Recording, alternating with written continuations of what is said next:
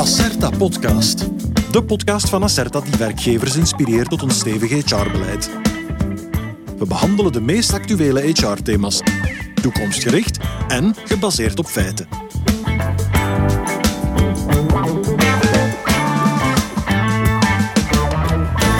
Het zijn uitdagende tijden voor leidinggevenden. Heel wat werknemers zijn verplicht virtueel samen te werken en hierdoor moeten leidinggevenden ook hun werkwijze aanpassen.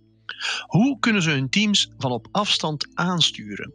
Wat als een deel van het team thuis werkt en een ander deel niet? En hoe hou je je medewerkers gemotiveerd van op afstand? Ik ben Jan Rummes, gastheer van deze podcast en ik spreek vandaag met Nele Ronsmans. En zij is senior consultant bij Acerta Talent Center. Nele, hartelijk welkom. Dag Jan. Hey Nele, jij geeft advies over leidinggeven van op afstand. Ja, hoe begin je eraan? Wel, om te beginnen hoeft leidinggeven van op afstand eigenlijk in de kern niet echt anders te zijn dan leidinggeven van dichtbij. Nu, het is wel zo dat die afstand bijkomende uitdagingen met zich meebrengt. Bijvoorbeeld op vlak van communicatie komen daar een aantal uitdagingen bij kijken, maar ook het controle-element dat een aantal leidinggevenden wel hebben wanneer dat ze echt ja, in de buurt van hun medewerkers werken, valt ook weg. Nu, het is ook wel echt onze visie dat op zich leidinggeven niets te maken hoeft te hebben met controleren van medewerkers. Integendeel, we willen eigenlijk graag een stukje afstand nemen van het klassieke belonen en straffen verhaal, maar vooral gaan kijken naar wat medewerkers nu echt drijft. Um, en dan komen we eigenlijk op intrinsieke motivatie. En intrinsieke motivatie werkt volgens ons veel sterker dan wanneer dat je eigenlijk mensen ja, gaat straffen of belonen. Blijkt ook trouwens uit een van de bevragingen die wij jaarlijks doen, dat uh, medewerkers gemotiveerd houden, dat dat nog altijd een van de grootste uitdagingen is van organisaties. Mm. Ja, mensen intrinsiek motiveren, ik hoor het graag, maar ja, hoe doe je dat dan? Wel, um, om, om, medewerkers intrinsiek te motiveren, kan je gebruik maken van de Self-Determination Methodology. Uh, dat is een methodologie die eigenlijk vertrekt echt vanuit intrinsieke motivatie en zich hiervoor ook baseert op drie basisbehoeften bij medewerkers. De behoefte om autonoom te kunnen werken, de behoefte om zich betrokken te voelen bij de organisatie, bij de collega's. En ook de behoefte om zich eigenlijk competent te voelen in de taken die hij of zij moet uitvoeren. En wij zeggen eigenlijk door in te zetten op een juiste balans hè, van deze drie basisbehoeften en ook een stuk op maat van ieder individu, zorg je eigenlijk, ja, heb je eigenlijk het perfecte recept als het ware om ervoor te zorgen dat je geëngageerde medewerkers hebt. -hmm, dus ik hoor autonomie, ik hoor betrokkenheid, ik hoor competentie. Daarvan zeg je dat het de basisbehoeften zijn. Uh, kan je die misschien wat meer toelichten? Absoluut. Um, misschien te beginnen met uh, autonomie. Autonomie, daarmee bedoelen we eigenlijk de mate waarin medewerkers autonoom kunnen werken, weliswaar binnen een kader. Hè. Dus we bedoelen, wat we niet bedoelen, is dat iedereen zomaar uh, zijn of haar goesting volledig kan doen. Um, Integendeel, maar wel een stuk binnen een bepaald kader zelfstandig taken opnemen, verantwoordelijkheid opnemen. Dus tot zover autonomie.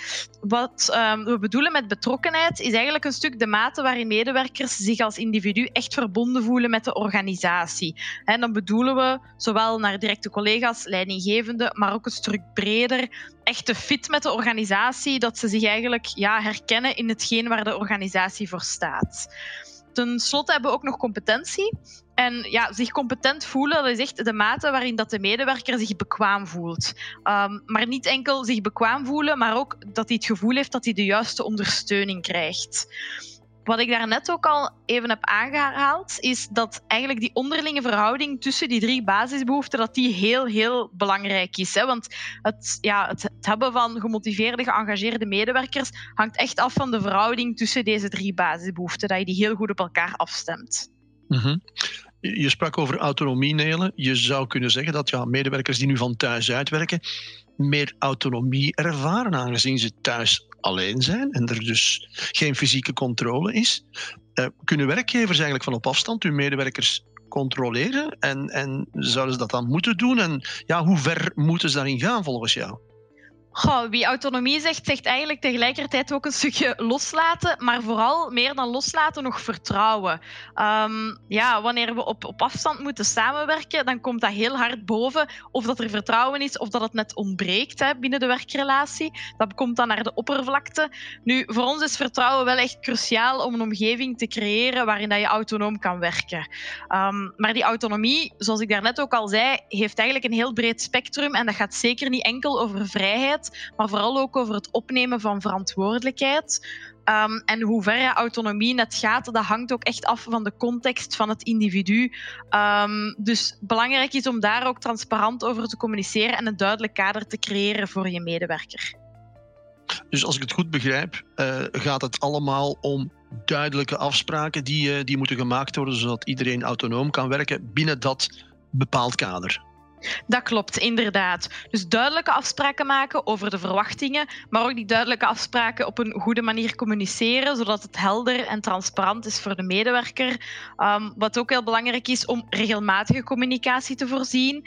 En als jij zelf als leidinggevende transparant bent, dan ga je ook zien dat dat eigenlijk een wederkerig gegeven is en dat medewerkers zich ook makkelijker gaan openstellen, ook spontaner inzicht gaan geven in wat ze doen, um, omdat je zelf als leidinggevende daar eigenlijk het goede voorbeeld geeft. Mhm. Je hebt het woord net al laten vallen, verwachtingen. Hoe kunnen werkgevers duidelijk communiceren over hun verwachtingen? De belangrijkste tip, denk ik, dat ik zo net al gegeven heb, dus echt transparant en regelmatig communiceren, mhm. duidelijke afspraken maken, maar vooral ook zorgen dat de prioriteiten voor iedereen helder zijn en dat je ook als leidinggevende aangeeft wat dat eigenlijk de gewenste output is. Um, wat wij weten uit onderzoek is bijvoorbeeld ook dat één op de drie werkgevers de prestaties van hun medewerkers zowel op kwaliteit als kwantiteit samen beoordeelt. Dus zorg er ook voor dat deadlines realistisch zijn en dat je kan bijsturen waar nodig. Ja.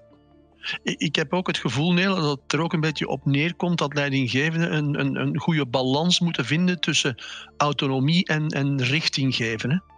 Ja, ja, absoluut. Dus die balans is heel belangrijk. Die is eigenlijk fundamenteel. Want als je, op, als je bijvoorbeeld te, uh, te veel autonomie gaat geven, waar dat je eigenlijk geen omkadering biedt, dan ga je ook eigenlijk zorgen voor medewerkers die minder gemotiveerd zijn. Omgekeerd ook, hè, wanneer dat je te veel gaat controleren, ja, dan gaan medewerkers geen autonomie ervaren. Dus die balans is echt wel heel belangrijk. En wat ook allee, echt, waar, waar leidinggevenden ook echt mee op moeten letten, is dat die balans ook voor iedere medewerker anders ligt. Dus dat het echt des te belangrijker is om te kijken naar de individuele noden van je medewerker. Verbinding en betrokkenheid waren ook uh, onderdelen van die uh, zelfdeterminatietheorie waar je het er net over had.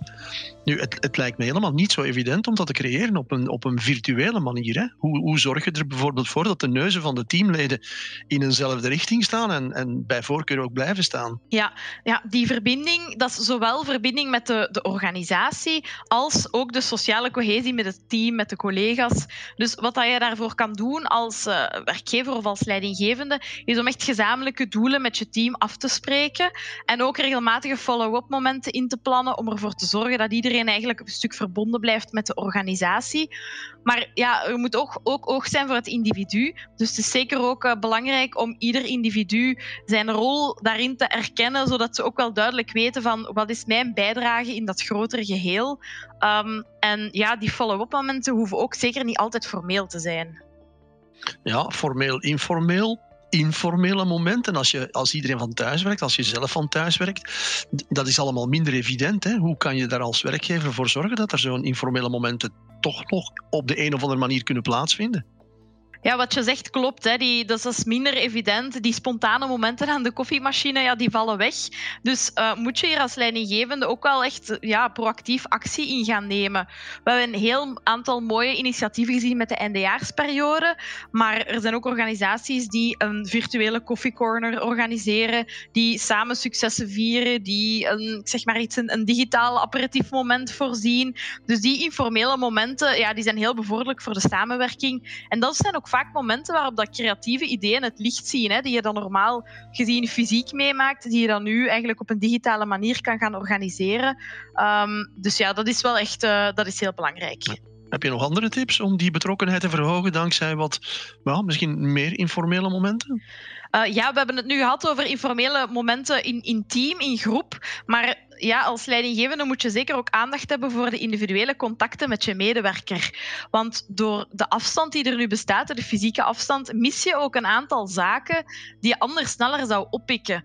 Um, en daarmee bedoel ik bijvoorbeeld wanneer iemand een, een, minder goede dag heeft, wanneer iemand worstelt met een taak, wanneer dat je fysiek echt samen zit, ja, dan merk je die dingen veel sneller op.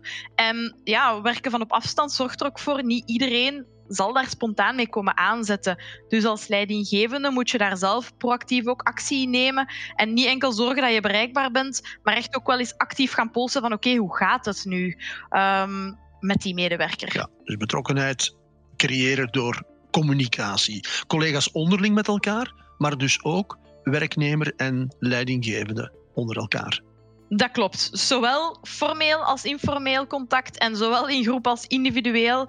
Um, want uh, wij doen jaarlijks ook een medewerkersbevraging. En daar hebben we ook uh, gezien dat er een heel sterk verband is tussen de manier waarop een leidinggevende deze coronacrisis aanpakt. En dan bedoel ik vooral ook naar communicatie toe met zijn medewerkers. En de mate waarin een medewerker geneigd is om op zoek te gaan naar een nieuwe job. He, dus daar zit wel een, duidelijk, een duidelijke meerwaarde als je als leidinggevende daar op een goede manier mee omgaat gaat. Um, sterker nog, zelfs wanneer een, uh, een, arbeidsovereenkomst beëindigd wordt en wanneer de wegen van werknemer en werkgever scheiden, zien we ook dat uh, meer dan één op twee van, de, van medewerkers die ontslagen zijn of hun arbeidsovereenkomst verbroken hebben, dat die eigenlijk bereid zijn om ooit terug te keren naar die werkgever als de leidinggevende op een transparante en duidelijke manier gecommuniceerd heeft. Dus je ziet daar echt wel een hele grote impact. Heb jij nog suggesties wat betreft andere kanalen die leidinggevenden zouden kunnen gebruiken? Ja, nu dat alles digitaal is, uh, kan je medewerkers altijd verrassen met iets fysiek. Hè. We hebben daar ook al een aantal creatieve um, zaken gezien. Bijvoorbeeld, ik zeg maar een kaartje per post, dat is nu iets heel simpel, maar dat is wel iets fysiek, wat dat dan toch weer ook de zintuigen prikkelt op een andere manier. Maar ik denk dat de belangrijkste tip die ik kan geven, is om eigenlijk het communicatiekanaal aan te passen op basis van de complexiteit en de urgentie van de boodschap. We zijn nu geneigd om, om allemaal um, digitale vergaderingen te gaan bijwonen, maar wanneer een boodschap eigenlijk dringend is, kunnen we even nog altijd eens onze telefoon nemen en gewoon eens een, eventjes bellen naar een collega. Zelfs wanneer ja, iemand, je voelt dat iemand graag fysiek wilt afspreken, één op één, in principe, wanneer dat we dat veilig voorzien, kan dat nog altijd. Dus ik zou daar ook zeker in dialoog gaan met die medewerker en polsen naar wat dat hij of zij eigenlijk verkiest. -hmm. Ja, met dat thuiswerken werken mensen vaak letterlijk in hun, hun, living of zelfs hun keuken of waar dan ook. Dus het wordt uh, al maar moeilijker om die lijn te trekken tussen, tussen werk en privé. Hoe kunnen leidinggevenden ervoor zorgen dat er, dat er een gezond evenwicht uh, blijft? Ik denk dan bijvoorbeeld aan het recht om te deconnecteren. Ja, wat dat hierbij kan helpen is in, eerste instantie, als je een duidelijke thuiswerkpolicy hebt binnen de organisatie, kan dat zeker al helpen. Maar los daarvan kan je als leidinggevende ook individuele afspraken maken met je medewerkers. En dan zitten we eigenlijk al meteen terug op het belang van die communicatie. Ga gewoon in gesprek met je medewerkers, communiceer duidelijk over de verwachtingen en laat hen ook weten dat, het, dat je niet verwacht dat zij bij wijze van spreken op zondagavond nog hun mails beantwoorden. Dus weer al eigenlijk ja, die communicatie. Ja, en als de emoties bovenkomen, wat, wat zijn jouw tips dan uh, om met die emoties van werknemers om te gaan? We zien op vandaag inderdaad heel wat emoties op de ja, digitale werkvloer. Je hebt enerzijds een, groep medewerkers die bang is om, om zijn of haar job te verliezen. Uit um, onze bevraging komt dat 20% van de werknemers toch wel ergens angst heeft om te worden ontslagen um, omwille van deze coronacrisis. Dus dat zit er zeker in.